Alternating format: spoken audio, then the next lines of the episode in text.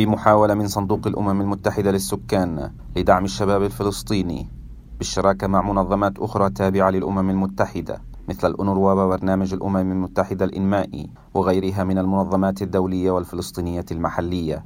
عقدت قمة الشباب في مدينة غزة وسط حضور لافت. قمة الشباب هدفت لتوفير منصة آمنة للشباب للتعبير عن احتياجاتهم وتطلعاتهم من خلال عرض حلول مبتكرة.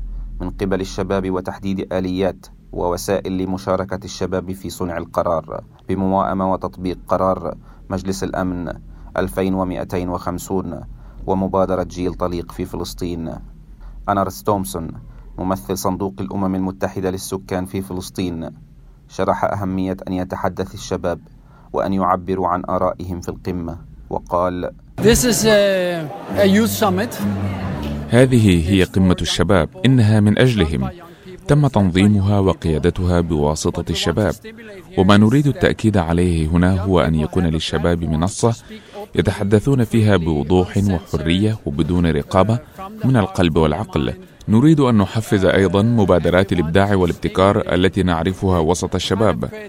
عندما نضيف قليلا من المصادر من الخارج لمساعدتهم على العمل تحدث المعجزات. في هذه القمة عندما تنظر من حولك وترى كيفية التنظيم والترتيب والربط والتواصل مع رام الله والمهنية وغيرها كل هذه تعد إثباتا للطاقة والحكمة التي يتمتع بها الشباب. كما وجه رسالة إلى الممولين الدوليين وإلى الحكومة الفلسطينية بالاستثمار في الشباب. رسالتنا تؤكد على ضرورة البناء على ذلك من أجل فلسطين. يتعين على المجتمع الدولي ومجتمع المانحين استثمار بعض الأموال في الشباب مثلما نفعل في الكثير من المجالات. دعونا نستثمر في المعجزة. الرسالة نفسها أوجهها للحكومة. دعونا نستثمر في الشباب والمعجزة ستحدث.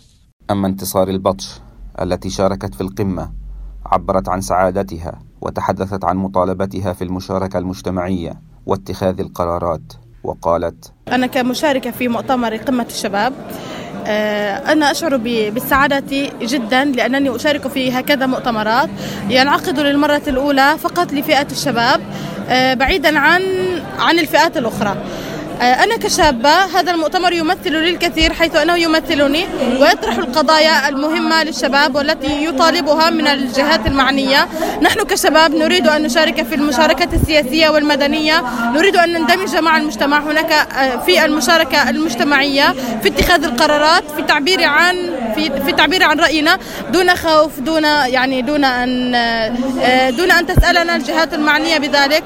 نريد حقوقنا الأساسية التي نحن محرومون منها آه، كالسفر والتعليم والعلاج وأيضا اتخاذ القرار. ويرى الكثير من الشباب أنهم يعانون أكثر من غيرهم في المجتمع الفلسطيني في غزة وأن جيلا كاملا منهم لم يشارك في الحياة السياسية.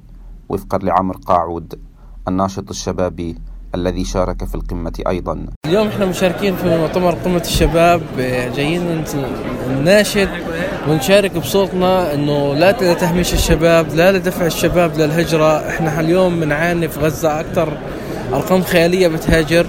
آه، صرنا سلعة لتجار البرة في الهجرة. اليوم إحنا جايين نطالب في تمكين الشباب في رأيهم في الانتخابات نطالب من حقوقنا. إحنا جيل بنحكي عن عقد كامل من 1990 ل 1900 لل 2000 جيل ما حد شارك في انتخابات ولا أي عملية ديمقراطية. بالعكس إحنا مفروض علينا اراء سياسيه كبيره آه، كلفتنا ثمن باهظ من عدد 220 ألف خريج. آه، فيش رؤية أو أفق. لأن كمستقبل الشباب خلال هالسنين الجاية إبراز قضايا الشباب وإفساح المجال لهم للتعبير عن ذاتهم أحد أهم الوسائل من أجل تحفيزهم على المشاركة في القضايا العامة وتعزيز وجودهم في عملية بناء أي مجتمع. حازم بعلوشة إذاعة الأمم المتحدة غزة.